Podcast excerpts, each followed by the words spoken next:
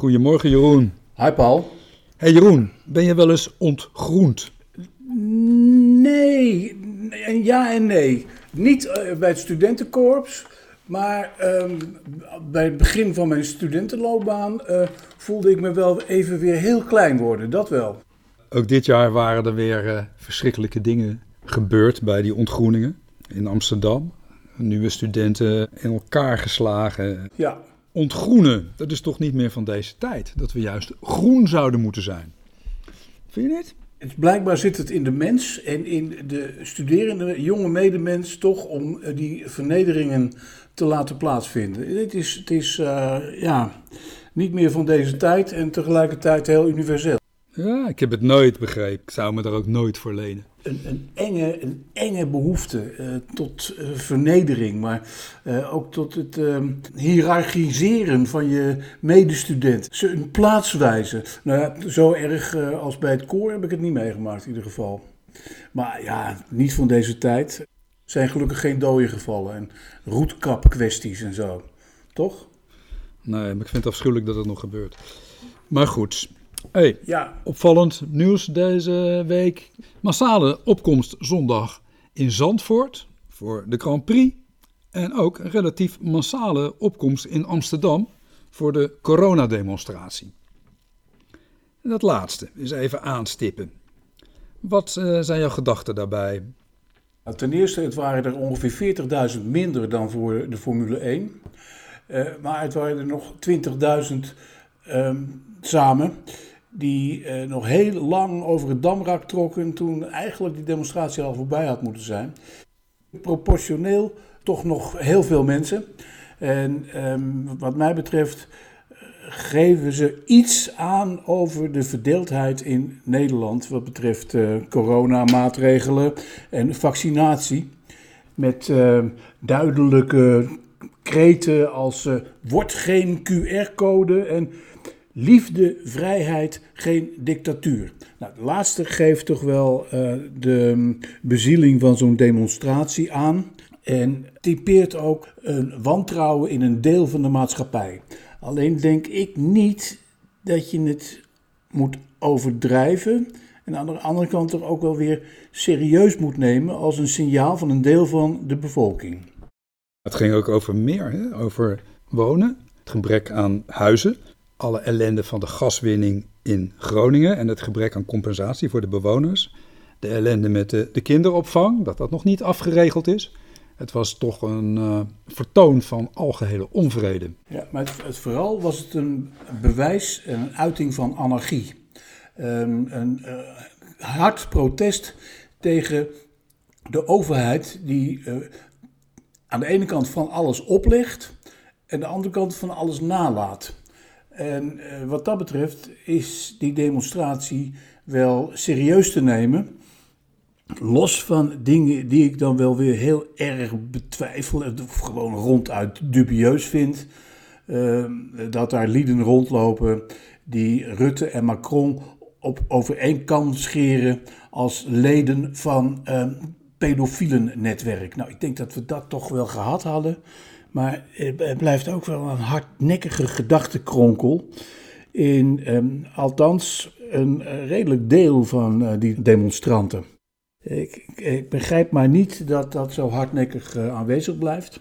Aan de andere kant snap ik die roep om vrijheid tegen ehm, overheidsdwang weer wel. Dus, dus het is een, een hele eh, merkwaardig mengsel van gedachten in zo'n eh, in zo'n menigte.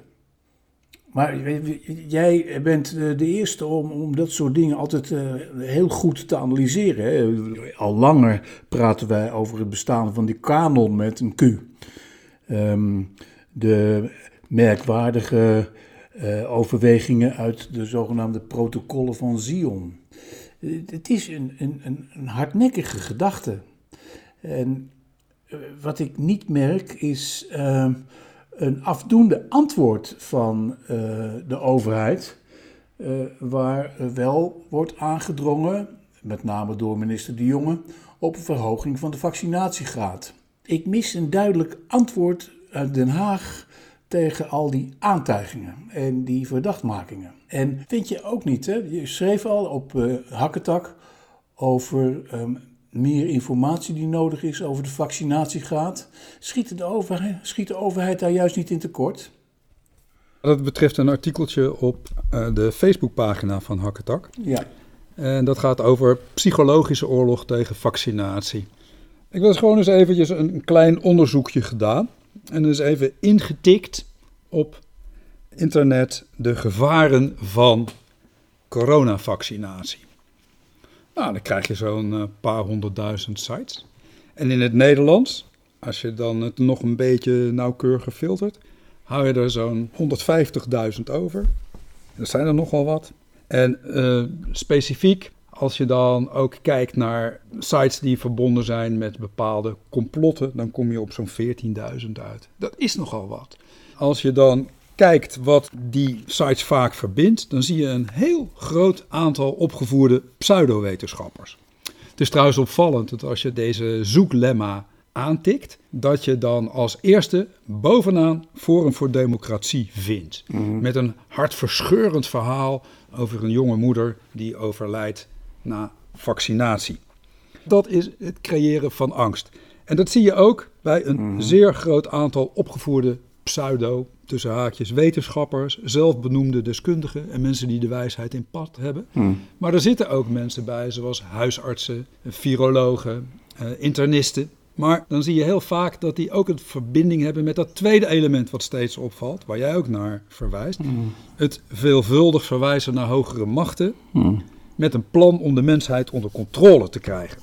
En daarbij wordt dan toch vaak verwezen naar een familie Rothschild, hè, rijke, machtige mensen. Hmm. Naar andere grote families, Bill Gates, eh, andere mensen. En dan kom je weer in die hele oude complottheorieën terecht over een kleine groep rijke en machtige mensen die van plan hmm. zijn om de rest van de wereld te knechten. Ten bate van hun eigen belangen. Hmm. Je waarschuwen tegen het vestigen van een, een wereldhegemonie en die verwijzen dan altijd naar het grote plan.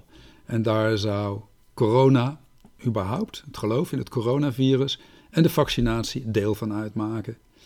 Derde wat dan weer opvalt, is dat ze vaak verwijzen naar allerlei verschrikkelijke dingen die je kunnen overkomen na vaccinatie. En sommige daarvan die zijn niet direct waarneembaar, maar die treden pas na een aantal jaren op. Ook het verwijs naar dat het één groot experiment is, kom je telkens tegen. En dat zijn toch dingen die te falsificeren zijn. En ik mis toch daar de aandacht voor. Antivaccinatie, dat heb je eh, al alle tijden gezien. Mensen die streng gelovig zijn. Ik las nog vanochtend in de krant een burgemeester die zijn stedelingen aanraadt zich te laten vaccineren. Daarbij ook de grote voordelen van de vaccinatie roemt, maar het zelf vanuit geloofsovertuiging SGP niet doet. Nou, dat is van alle tijden, maar dit is toch iets heel anders. Dit heeft te maken met misinformatie en misleiding. Precies. Nou, ten eerste is het Forum Democratie, wat mij betreft, geen podium wat ik serieus neem. Maar heel veel mensen doen dat wel. Maar ja, blijkt dan toch wel weer uh, enige aanhang te hebben. Um, wat die pseudo-artsen betreft, uh, is uh, hun bestaan zonneklaar helder. Alleen kun je je dus afvragen wat er toch mis is met het onderwijs en alles. Dat van eh, sociale media, dat soort, dat soort platforms, ehm, heel veel wordt geloofd wat, wat inderdaad falsifieerbaar is. En andermaal zeg ik dus dat ik me afvraag of de overheid hier niet in tekort schiet om daarop te schieten. Blijkbaar is daar uh, onvoldoende aandacht voor in Den Haag. Of is het zo hardnekkig dat welke uh, reële informatie of voorlichting ook, hoe, hoe dan ook, niet doordringt in uh, dit denken? Toch? Wat je bijvoorbeeld ook ziet op al die websites, praktisch allemaal, is dat ze waarschuwen tegen de zogenaamde mainstream media. De, de, media zijn onderdeel van het complot. De media zijn in eigendom van die grote internationale elite. Mm. En ze weten altijd journalisten, uh, dagbladtitels weer te verbinden met ergens iemand die verbonden is aan bijvoorbeeld een Klaus Schwab van de World Economic Forum, die ook in al die complotten opduikt. En zo maken ze hun eigen boodschap geloofwaardig en de, wat je dan noemt, mainstream media steeds ongeloofwaardiger. En er zijn er die oproepen om nooit meer naar de televisie te kijken, eh, nooit meer een krant te lezen, want je wordt voor de gek gehouden, Nou, je wordt belazerd. En als strijder voor de vrijheid moet je het echte, het ware geluid horen en de echte mening krijgen. En dat maakt het heel erg lastig, want je zit je dus in het midden van het krachtenveld van wat je dan noemt vrijheid van media, vrijheid van meningsvorming, vrijheid van uiting. Ja, maar je geeft ook al iets, En- precies, maar je geeft daarbij ook iets anders aan. Eh, de, dat, de afname van mensen die eh, juist die mainstream media kijken of lezen. Er zijn veel minder mensen die nog aan de ouderwetse 8 uur journaals kijken. Of wat voor actualiteitsrubriek ook. Eh, ze ontlenen hun informatie aan heel andere nieuwsbronnen. En nou, die zijn ju- ju- juist, ook gelet op wat jij noemt aan allerlei sites, heel eh, rijk in getal, maar lang niet eh, betrouwbaar. Dat, dat, begrijp ik er niet van. Mensen willen blijkbaar alleen maar de waarheid lezen die hun past. Dat weet ik niet. Mensen twijfelen, mensen aarzelen. Als je van verschillende kanten, uit vrienden, uit kennissenkringen, eh, van artsen, van, van andere mensen, van politici, hoort dat een vaccin levensgevaarlijk is. Dan kan ik me toch wel voorstellen dat je eens gaat kijken op internet en eens kijkt naar gevaren coronavaccinatie. Nou, dan krijg je niet als eerste een voorlichting over mogelijke bijwerkingen. Maar dan krijg je als eerste een verschrikkelijk verhaal. En als tweede een verschrikkelijk verhaal. En als derde een verschrikkelijk verhaal. Ja, wat geloof je dan nog? Onder andere mijn eigen fascinatie. En dat is? Eh, dat ik eh, weliswaar ook al die bezwaren heb gehoord, eh, maar er gewoon een paar prikken ben gaan halen, omdat ik aan de beurt was. En van de, de vorige lichting geprikten geen massale meldingen van verschrikkelijke verhalen heb gehoord. Dus ik vertrouwde het gewoon. Maar de mensen die op internet hierover berichten, hè, op de door mij genoemde site, die zien alleen maar mensen met verschrikkelijke nawerkingen, bijwerkingen en gevaren. nogmaals, dat is blijkbaar de waarheid die ze willen bevestigd zien. Dat denk ik niet. Ik denk dat het begint met twijfel. Met gewoon oprechte twijfel. Kijk, wij lezen alles over de voordelen van vaccinatie. De regering in zijn voorlichting, het OMT, de GGD geeft voorlichting over de eh, geweldige effect van vaccinatie. Maar over de bijwerkingen, over de mogelijke problemen wordt zelden gecommuniceerd. Mens krijgt geen nadruk, dus kun je ook niet die bezwaren al behandelend ook wegnemen. Behalve bij AstraZeneca, hè, daar waren een paar incidenten geweest. En dat wordt dan meteen aangegrepen om die twijfel te vergroten.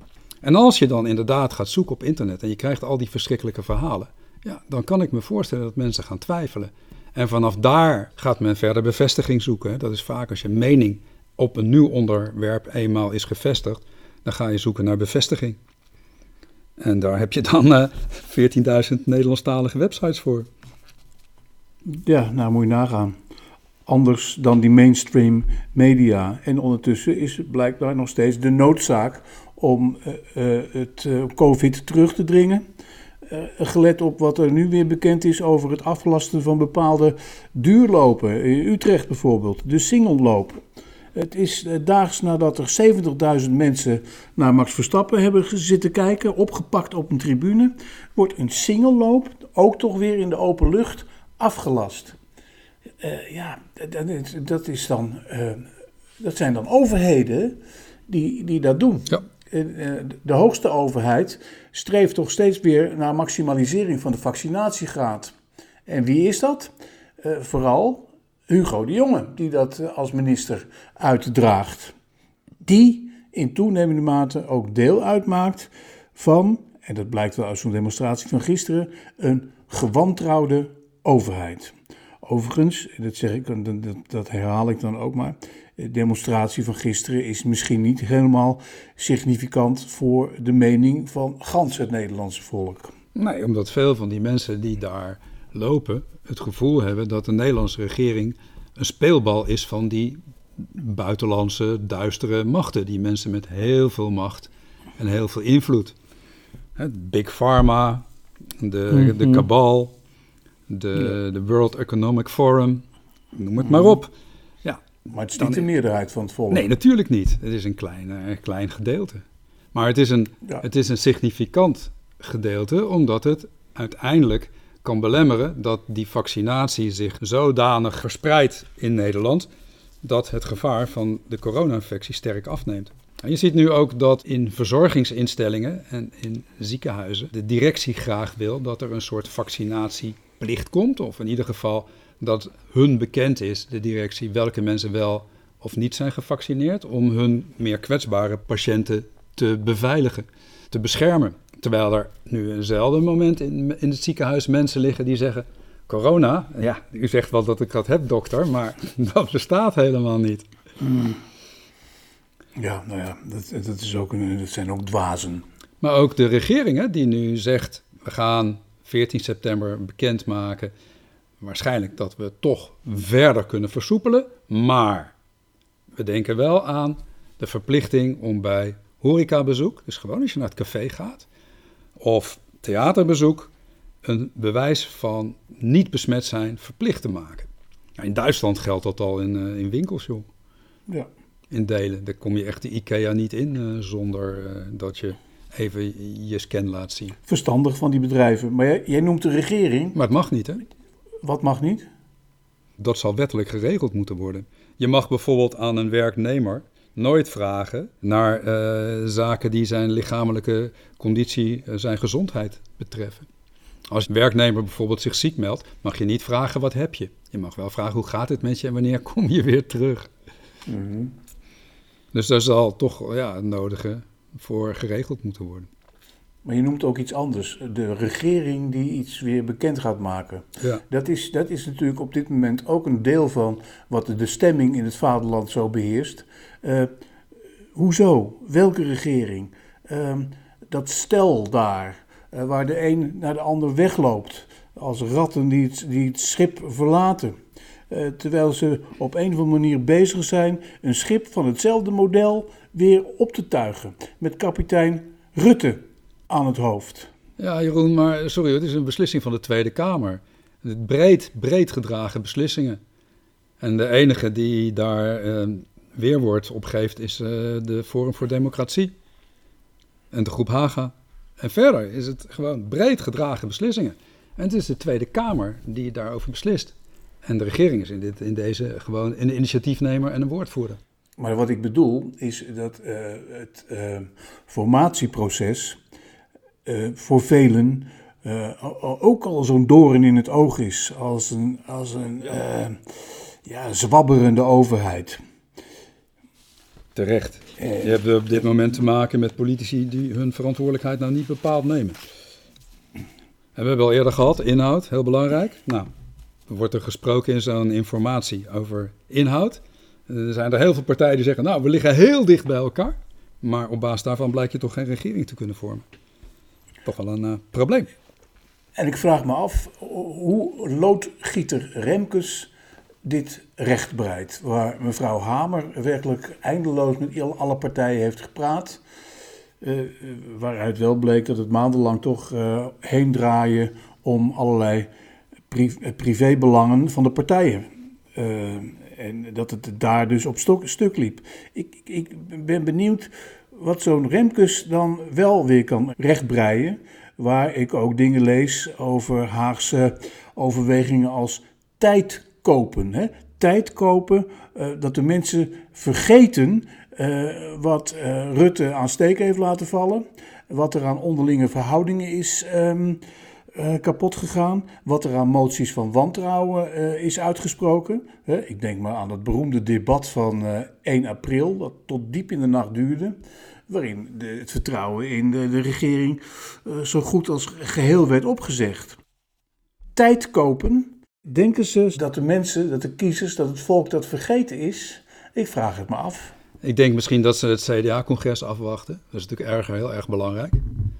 Dat is over een, uh, week, dacht ik. Wat gebeurt er met het CDA? Waar staat het CDA? Terugkeer van Pieter Omtzigt. En uiteindelijk zal er dan wellicht gekeken worden naar de mogelijkheden van een minderheidsregering. En dat is, dat is iets wat ook wel binnen de Nederlandse democratie zou passen.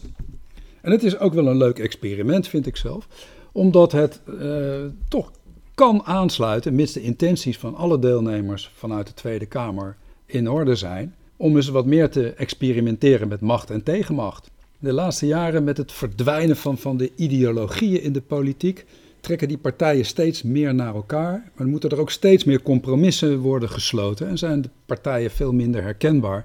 En worden heel veel onderwerpen uitgeruild. Je ziet het bijvoorbeeld D66 en uh, ChristenUnie die elkaar nu uitsluiten op basis van wat weten we daarvan? In ieder geval, daar heeft in het vorige kabinet een bepaalde uitruil plaatsgevonden. Hè, dat ethische onderwerpen die bij de ChristenUnie heel lastig waren, niet konden worden besproken zelfs. Dat is natuurlijk ook niet echt democratisch.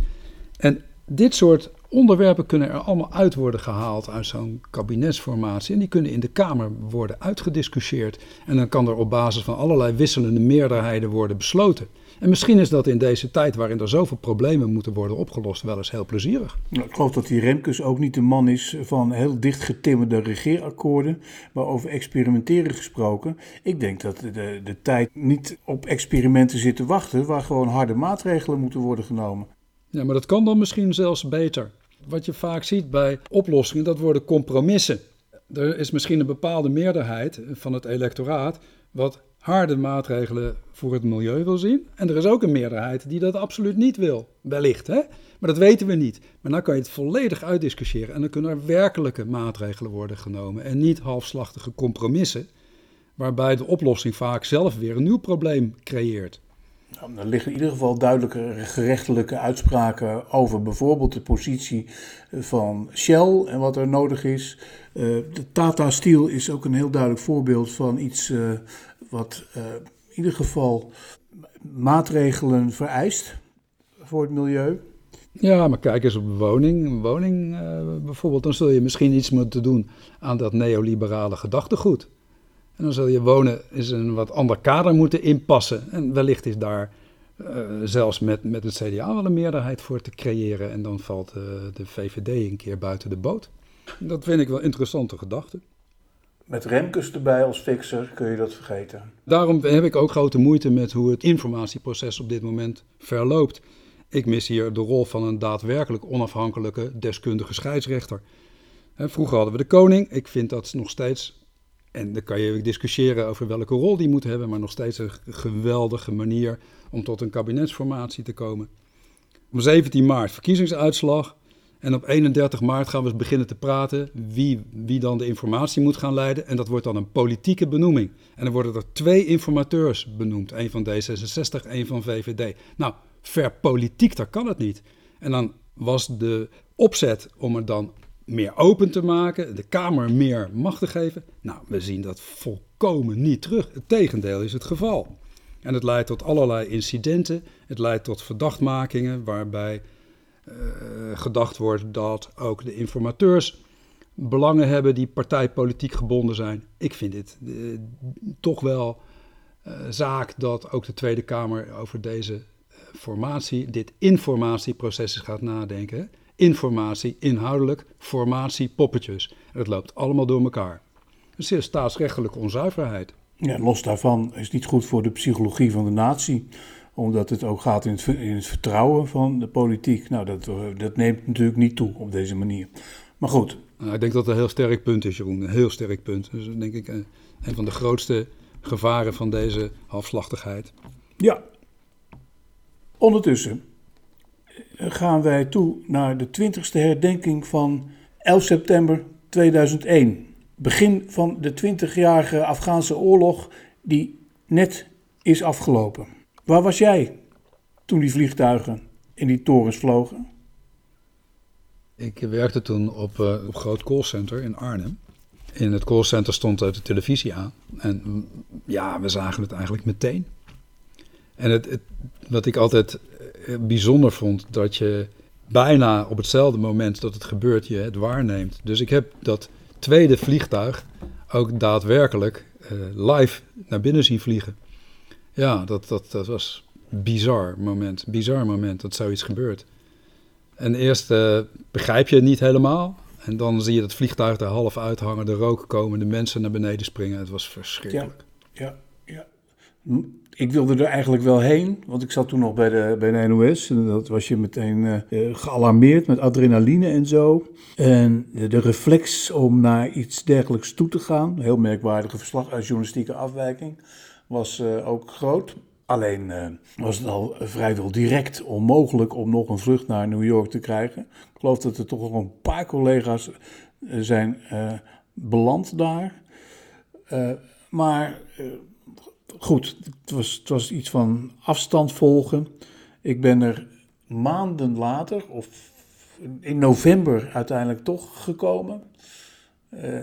Ik was aan het werk voor het Chelsea Hotel, een, een biografie over dat, over dat hotel. En uh, ik nam toch ook uh, wel mijn spullen mee. Uh, programma Kunststof vroeg mij destijds om eens een, kijk, een, kijkje te gaan nemen bij een comedyclub in New York. ik heb ehm, rondgewandeld in die zwaar aangeslagen stad. En ik herinner me nog van die comedyclub dat het, de aanslagen geen thema waren. Eh, ze werden zo nadrukkelijk verzwegen in het, in het optreden dat ze bijna wel weer een thema waren. Uh, nadrukkelijk waren ze vooral weer bezig om hun humeur terug te krijgen. Maar ik sprak ook mensen daar, zo Greenwich Village, Meatpacking District, daar in de buurt, kunstenaars die ik aansprak, hoe nog bezig waren om zichzelf terug te vinden, om weer uh, bezieling terug te krijgen. Om, om, hoe ze bezig waren te herstellen. En New York weer groot te laten worden. Ze waren blij. Ik had het net al over, over het opschorten van al die vluchten. Er gingen destijds heel veel minder Europeanen naar New York. Ze waren blij dat er toch iemand van over de Atlantische Oceaan belangstelling voor hun toonde. Dat, dat was uh, eigenlijk wel ontroerend toen. Kun je eens een, een mooi, mooie anekdote daarvan vertellen? Ik denk dan ook, over ontroering gesproken, eh, aan de verontwaardiging van de oude Henk Hofland, die uh, weer als habitueel van het Chelsea Hotel ook aanwezig was, commentator van NRC destijds. Want veel mensen die woonden daar permanent. Ja, hè, in dat, uh, ja nou Henk, ja. Henk had een vaste kamer op de zevende verdieping of zo. Maar die, de, met hem ben ik samen eh, met de metro naar Ground Zero gegaan, zo noemden ze dat. Um, uh, het rampterrein van de aanslagen. En um, we liepen daar aangekomen, uh, halte Fulton Street, als ik het goed heb, nog door de metrobuis. En toen zei Henk tegen me Ruik, ruik je dat? Rotterdam. Uh, dat was de lucht die hij zich herinnerde als jochie vlak na het bombardement van Rotterdam in, op 14 mei 1940. Uh, we liepen naar buiten, richting de straathoek waar je vroeger opzag in bewondering en respect naar die twee torens, waar nu alleen maar een leemte in de lucht was. En Henk zei ook dat de mensheid vol trots torens bouwt. En dat het een rotstreek is om die te vernietigen. En dat die torens ook niet bedoeld waren als een graf voor duizenden mensen. Die verontwaardiging, dat vond ik ook heel mooi. We zitten natuurlijk op, op een herdenking van 20 jaar in een tijd dat Amerika zich terugtrekt uit Afghanistan. Er staat een nieuwe toren daar op de, op de, op de mm terrein van World Trade Center sinds november uh, 2014, Freedom Tower. Uh, reken maar uh, dat een ehm, enorme staat van paraatheid is sindsdien. De, de, vliegtuigen elk moment kunnen opstijgen, bij wijze van spreken. Maar juist die terugtrekking uit Afghanistan maakt, wat mij betreft, die herdenking van de, de twintigste herdenking van die fatale datum zo extra beladen. Omdat je je af kunt vragen of Amerikanen wel echt het karwei hebben afgemaakt.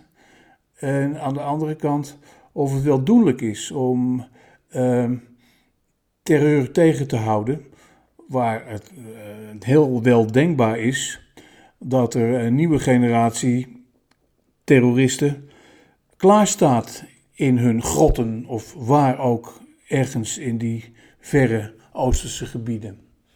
Dat is, dat is wel zorgelijk. Wat heeft, uh, naar jouw mening, de, de aanslag op de Twin Towers voor effect gehad op de Amerikaanse samenleving? Destijds waren ze ehm, diep getroffen, uh, omdat uh, iets gebeurde wat ze voor onmogelijk hielden. Namelijk een soort oorlogsaanval. Ground Zero, mind you, Ground Zero was een term die al in 1946 voor het eerst werd geschreven in de New York Times als duiding, als omschrijving voor het nucleaire rampterrein na de atoombom uh, op Hiroshima. Ground Zero, dat was het platge, platgewalste, platgebombardeerde Hiroshima. Niet dat hier Amerika door atoombommen was geraakt, maar wel um, in, zijn, in zijn, niet alleen in zijn zakenhart, maar vooral in het vertrouwen dat het land niet kon worden aangevallen.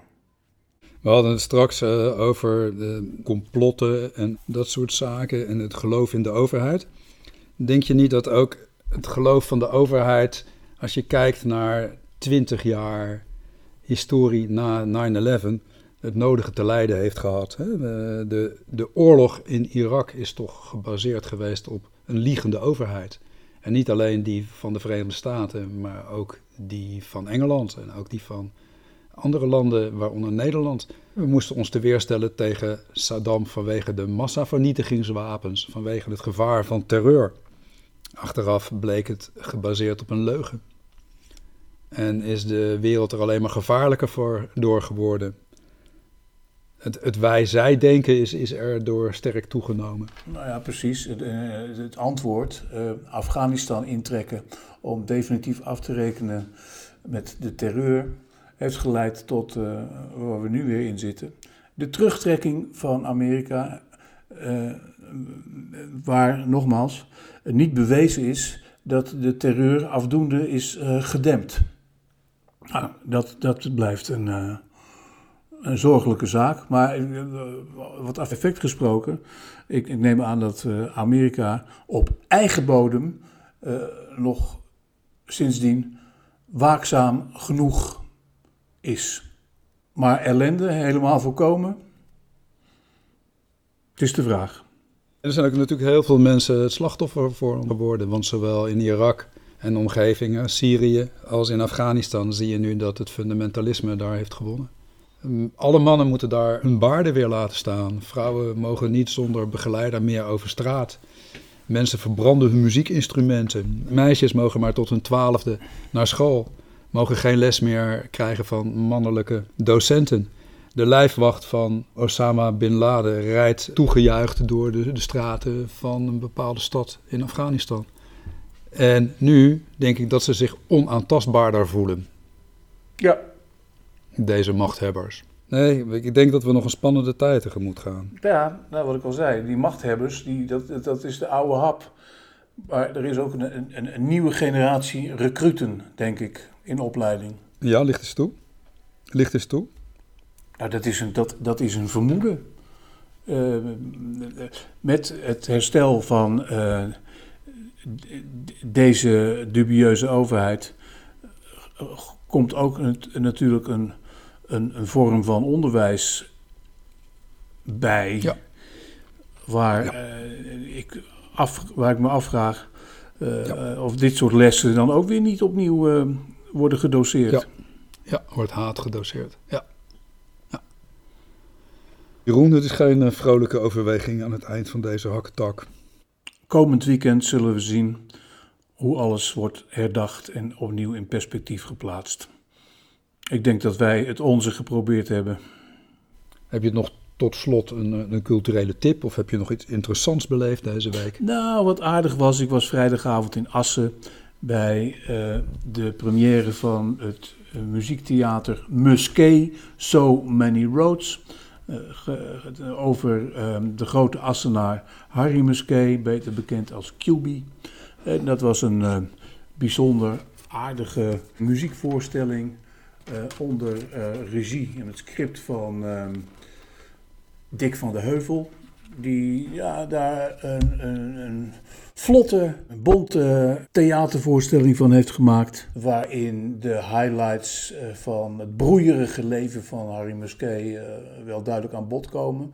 Het was op een goede locatie, een fabrieksterrein aan de havenkade in Assen. Met een hele hoge hal. Waarin op een zeker moment eh, de acteurs die Musquet en Herman Brood speelden. ook letterlijk weer op een dakrand stonden. Uh, en dan denk je natuurlijk weer aan de fatale sprong van brood destijds, begin deze eeuw. En uh, nou ja, zo wordt uh, op een leuke manier ook dat leven van de tien jaar, bijna tien jaar geleden overleden Musquet nog eens gevierd. En, dat mag wel. Hè. Je hebt wat, net een, een, een wat somber relaas over de stand van zaken in binnen, binnen en buitenland. Maar uh, het is ook wel mooi om deze grote Nederlandse bluesmuzikant op deze manier te eren. Ja, wel eerder geweest, hè? Het belang van cultuur in deze lastige tijden. Nou, mooi. Is het nog ergens te zien, de voorstelling? Is, loopt hij nog de komende... Nog tien keer. Nog tien keer, Daar, um... in Assen. Komt hij nog het land in? Nee. Ah, oké. Okay. So many roads. Nou, Jeroen, tot okay. de volgende keer. We gaan uh, trouwens even ja. op vakantie. Maar er komt nog wel een speciale hakketak over een boek wat je hebt geschreven over Zeeland. Ja. Nou, intussen kunnen we gevolgd blijven worden op onze Facebookpagina Hakketak. En uh, daar kom jij ook nog op met een stukje over jouw belevenis in het Chelsea Hotel, hè? Ja. Mooi zo. Goed, tot uh, de volgende keer. Hoi. Tot gauw.